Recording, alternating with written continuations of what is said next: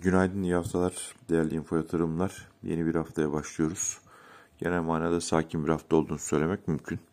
Geçtiğimiz haftadan iki günden maddesini bu haftaya devrediyoruz. Bir tanesi Perşembe günü yapılan Merkez Bankası PPK toplantısı.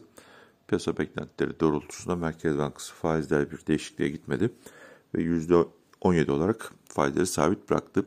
Dilim biraz daha şahinleştiğini, bu yüksek faizin uzunca bir süre devam edeceğine, sıkı para politikasının uzunca bir süre devam edeceğine ilişkin vurgunun bir kez daha yapıldığını hatta daha sert bir dille yapıldığını gördük. Cuma günü piyasalar kapandıktan sonra da kredi derecelendirme kuruluşu Fitch'in Türkiye'nin kredi notunu değiştirmediğini ama negatif olan görünümü durağına çevirdiğini gördük. Ee, tabii netice itibariyle bir olumlu adım olarak değerlendirmek mümkün. Ancak değişikliğe gidilen şeyin not değil görünüm olduğunu unutmamak lazım. İki, her üç kredi derecelendirme kuruluşunda da Türkiye'nin kredi notunun yatırım yapılabilir seviyenin çok altında olduğunu unutmamak lazım. Ee, yani bu notlar kaybedildiğinde de benzer şekilde yorumlamıştım. Önemli olan o yatırım yapılabilir ülke notunun altına inmemekti. Ve maalesef Türkiye indi. Farklı kademelerde de olsa şeyde e, not açısından. Dolayısıyla bir po hafif pozitif etkin olmasını beklemek mümkün ama genel manada e, bir yatay seyrin söz konusu olacağını düşünüyoruz. En azından haftanın bu ilk gününde. Burada iki tane önemli unsur var. Bir tanesi bence çok sevindirici bir haber. E, vaka sayıları bütün dünyada düşüyor COVID-19 ile ilgili.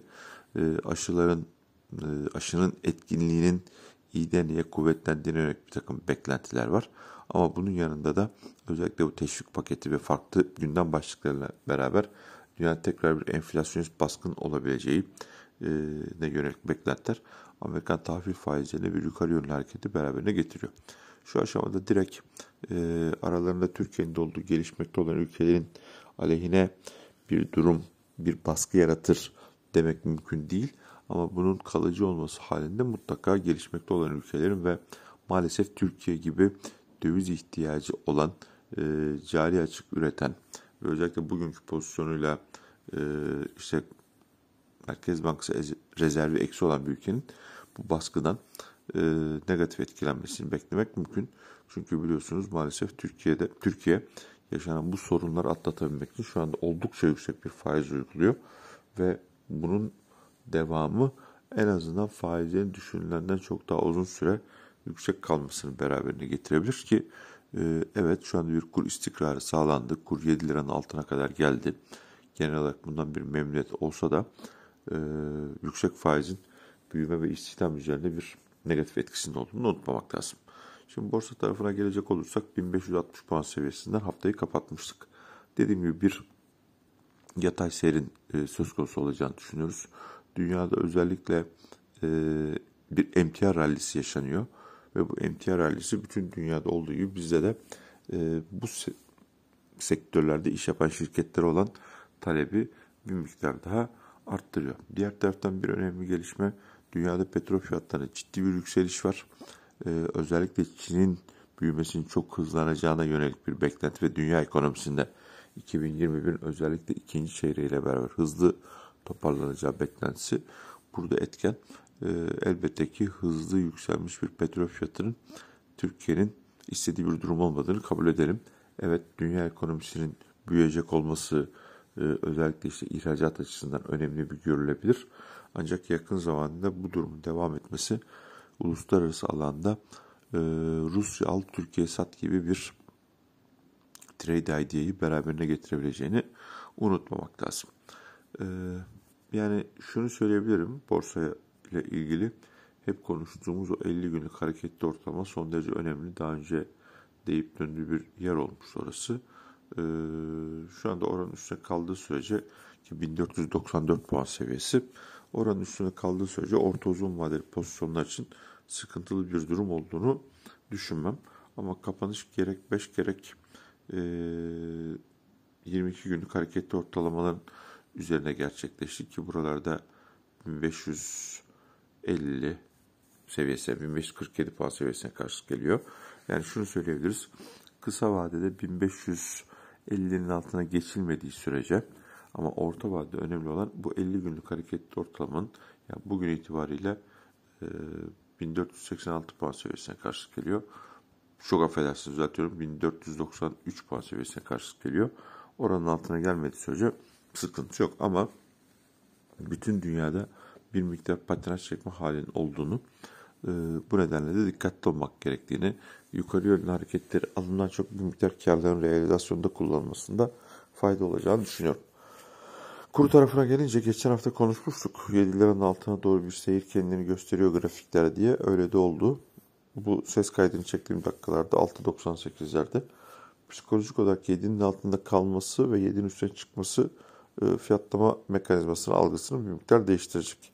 7'nin altında kaldığımız sürece o yaklaşık 6-7 haftalık stabil kaldığı 2 kuruşluk bant olan 6.84-6.86 oralara doğru bir kayma ihtimalinin yüksek olduğu gözüküyor.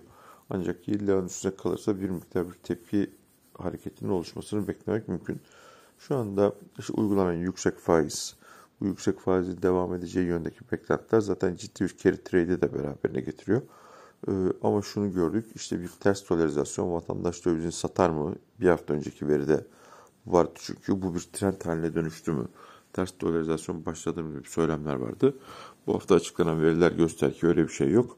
Ciddi bir döviz alımı tekrar söz konusu oldu. Yani bir haftalık veriye bakarak da bir analiz yapmanın mümkün olmadığını bir kez daha piyasa gösterdi.